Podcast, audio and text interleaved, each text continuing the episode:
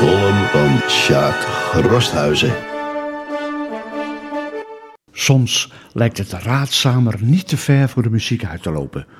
Je kunt als aanstormend politicus met de beste bedoelingen bezield zijn en zelfs nog steeds bereid zaken grondig te bestuderen alvorens met iets gewaagds aan te komen, maar altijd loert het gevaar dat de meerderheid van de ervaren en lichtelijk vergrijsde raadsleden zich er met afschuw van afkeren en zo mogelijk voor enige decennia het denken in de voortvarende richting tot taboe verklaren.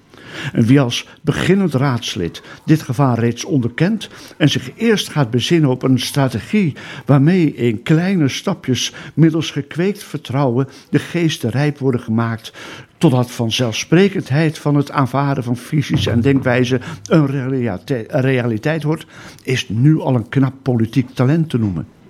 Ik heb het over de wilde motie over hoogbouw. Ingediend door Thomas de Groot, PvdA, Menno Jas, DRP, Nick Heijnen, D66, Rob Drosten, VVD en Kees Maas, ChristenUnie.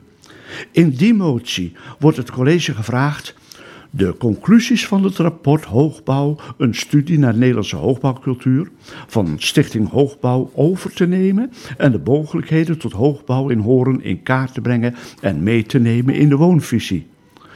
Een blijk van geweldig gevoel voor de hedendaagse woonnoden en behoeften van kleine steden om vol, vervol te worden aangezien in de ogen van de omringende wereld. Het is een manmoedige poging een flinke streep te zetten door stug volgehouden bekromte plattelandsdenken. Maar de motie werd aangehouden en dat zou best wel eens een heel wijze stap kunnen zijn, tenzij het de aanloop is naar het terugtrekken van de motie. Maar hoe je het ook wendt of keert, deze motie past als geen andere in het jaar 2020 en verdient het te worden aangenomen en uitgevoerd. Nou, op moment als deze zie ik weer de beelden voor me die zich als automatisch op het netvlies zetelen wanneer ik de term hoogbouw hoor. In Horen is daar zo'n te creëren prachtige plaats voor, met heel veel ruimte eromheen van groen en speelplaatsjes. De provinciale weg, zoals die door Horen snijdt, kan vanaf de poort van Horen ondergronds tot bij bij of zelfs voorbij de afslag van het huidige gemeentehuis. In mijn visie is dat het voormalige gemeentehuis. En bovenop de tunnel verrijzen minimaal een vijftal gebouwen naast elkaar als vingers van één hand. Twee aan beide kanten met een hoogte van twee keer de maximum zevenhuishoogte. En de middelste als een ranke toren van 60 meter hoog.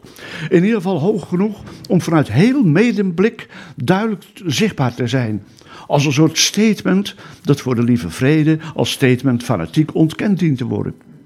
Ik vind het heerlijk te zien dat jonge tot, tot redelijk jonge raadsleden, die voor het merendeel niet schrikken van dikke boeken over interessante zaken, ook onze raad bevolken.